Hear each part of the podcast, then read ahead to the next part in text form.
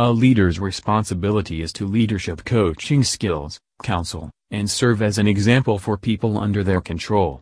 A charismatic leader encourages boldness, creativity, and enthusiasm among their followers.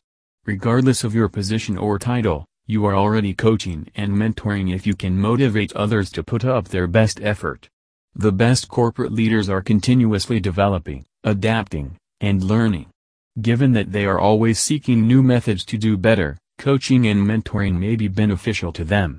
This essay emphasizes the value of coaching for effective leadership development.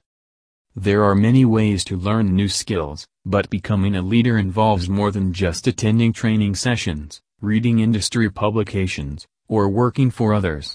People seek educational settings that allow them to put their newly acquired knowledge and skills to use. Through coaching, leaders may put their abilities to use while looking at issues and opportunities from a group-based, distinctive, and nuanced perspective. A capable coach can help a leader pinpoint their advantages and weaknesses as well as the most effective approaches to close any knowledge and skill gaps. Leadership coaching and mentoring can aid you in adjusting to a new position, set of duties, or set of difficulties. Leadership coaching for higher performance. Improved managerial abilities.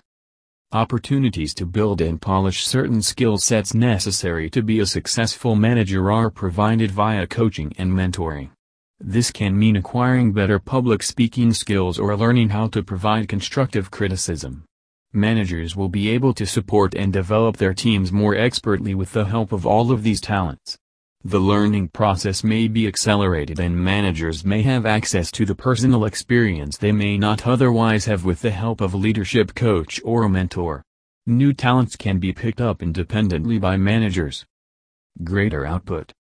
Learning to balance all of their new obligations, from attending more strategic leadership meetings to having meetings with direct reports may be one of the toughest obstacles a new manager has. They could find it difficult to be productive and run the risk of having furious team members who feel their requirements aren't being addressed if they lack the necessary time management skills. In this case, a coach or mentor could be quite beneficial. They might offer advice to managers on how to prioritize tasks and improve their leadership coaching for higher performance. According to research, managers who added leadership coaching to their regular training for eight weeks saw a productivity improvement. More assurance. New managers can struggle with a lot of self-doubts. When beginning a new career or acquiring new abilities, this is rather typical.